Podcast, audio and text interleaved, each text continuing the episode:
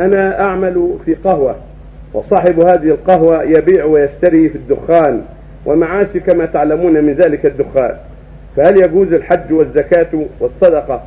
وهل الدخان داخل في الخبائات أظن التي الخبائث في الخبائث التي حرمها الله؟ نرجو منكم الدليل على هذا العمل حتى يكون الجواب في مصلحة الجميع. إذا كنت في محل يبيع صاحبه الدخان وأنت ساعده في ذلك فأنت شريك له في الأثم في الإثم.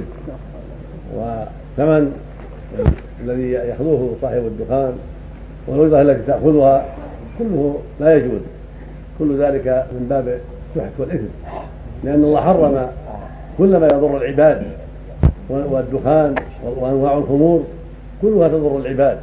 فيجب الحذر منها وكلها من الخبائث التي حرمها الله عز وجل. قال الله سبحانه يسألونك ماذا أحل لهم؟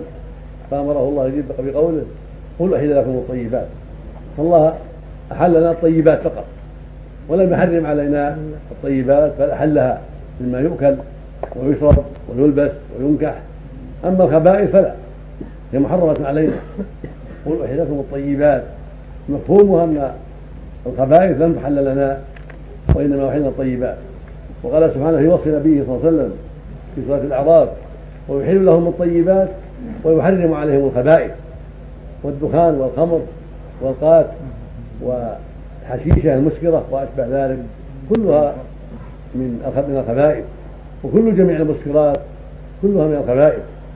فالواجب عليك التوبة إلى الله والإنابة إليه والحذر من هذا العمل وهكذا صاحبه أما الحج صحيح الحج مداره على البدن على الطواف والسعي ورمي الجمار وهذه أعمال بدنية والحج فيها صحيح الحج صحيح والصلاة صحيحة والصوم صحيح لكن أنت آثم بتعاطي هذا الأمر المنكر وبتعاطي هذا الخبث فعليك التوبة إلى الله من ذلك وترك هذا العمل.